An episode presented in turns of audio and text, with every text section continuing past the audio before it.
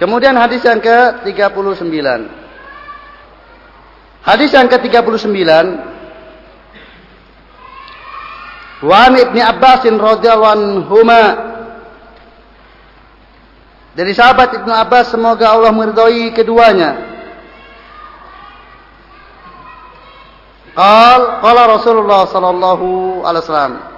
Beliau berkata Rasulullah sallallahu alaihi wasallam telah bersabda, "Inna Allah tajawaza li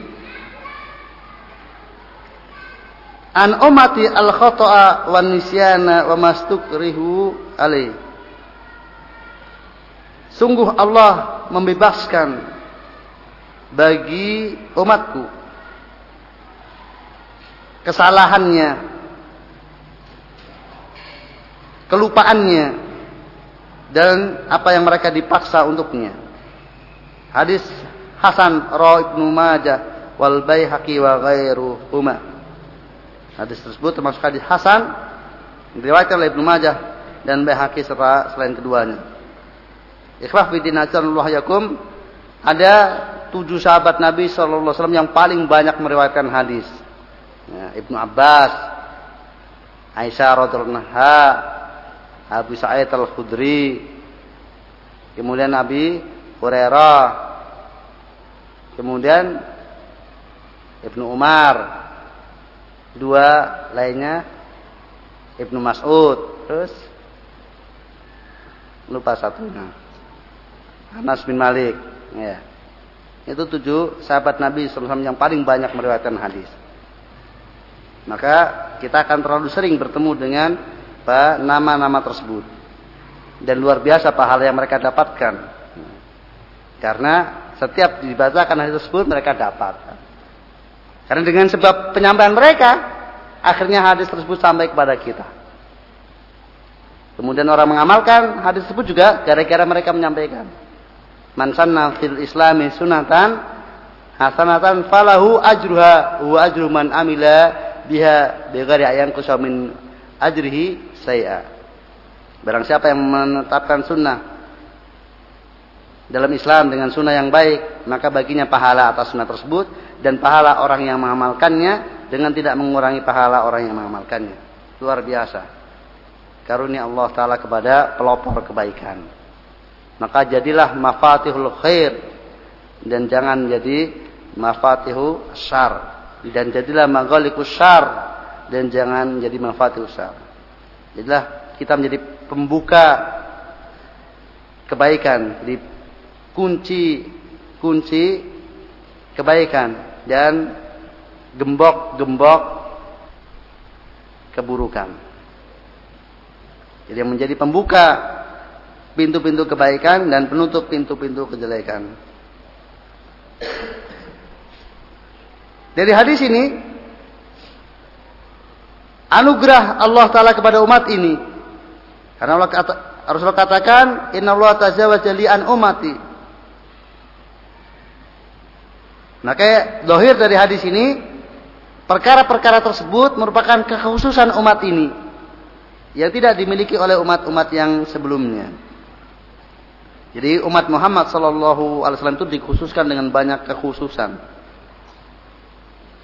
Dikasih satu malam yang beramal di malam tersebut dengan amal ibadah, maka seperti beramal seribu bulan Dulu umat terdahulu harus beramal seribu bulan untuk bisa mendapatkan pahala. Umat ini cukup sehari saja satu malam di dalam satu tahun. Dia berhasil beribadah malam tersebut, maka mendapatkan pahala seperti beribadah seribu bulan. Dan banyak sekali keistimewaan umat ini yang tidak didapatkan oleh umat terdahulu. Maka dengan waktu yang sedikit, dengan jumlah waktu yang sedikit bisa meraup apa pahala yang berlipat ganda. Di sini Allah Subhanahu wa taala memaafkan. Arti memaafkan atau membebaskan dan membebaskan dari dosa. Namun tidak secara otomatis kalau dibebaskan, dimaafkan berarti tidak harus menunaikan ya.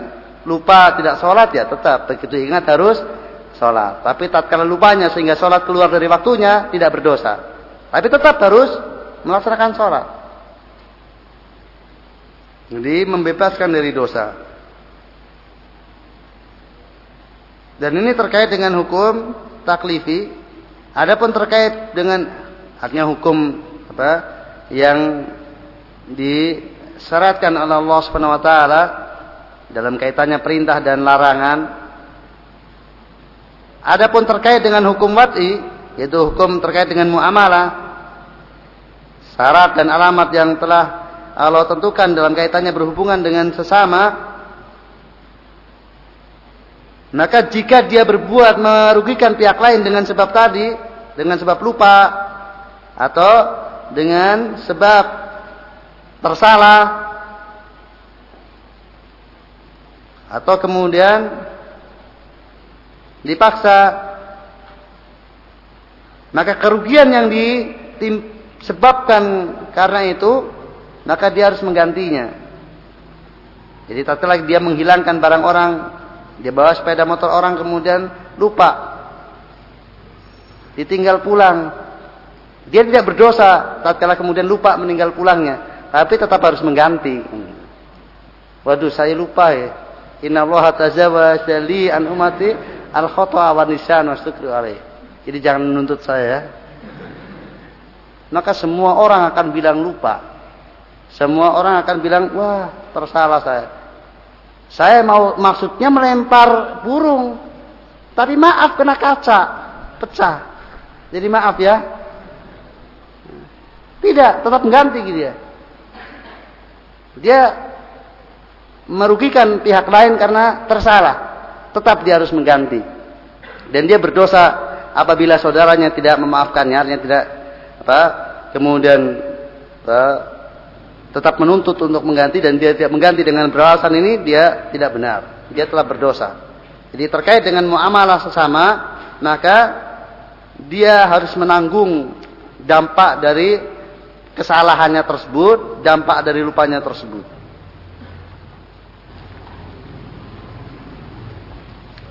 Meski dia tidak berdosa tatkala dia telah membuat kerugian kepada orang lain disebabkan karena dipaksa orang lain atau disebabkan karena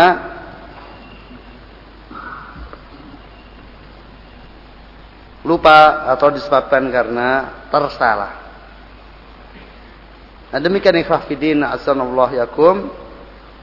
Hadis yang ke-39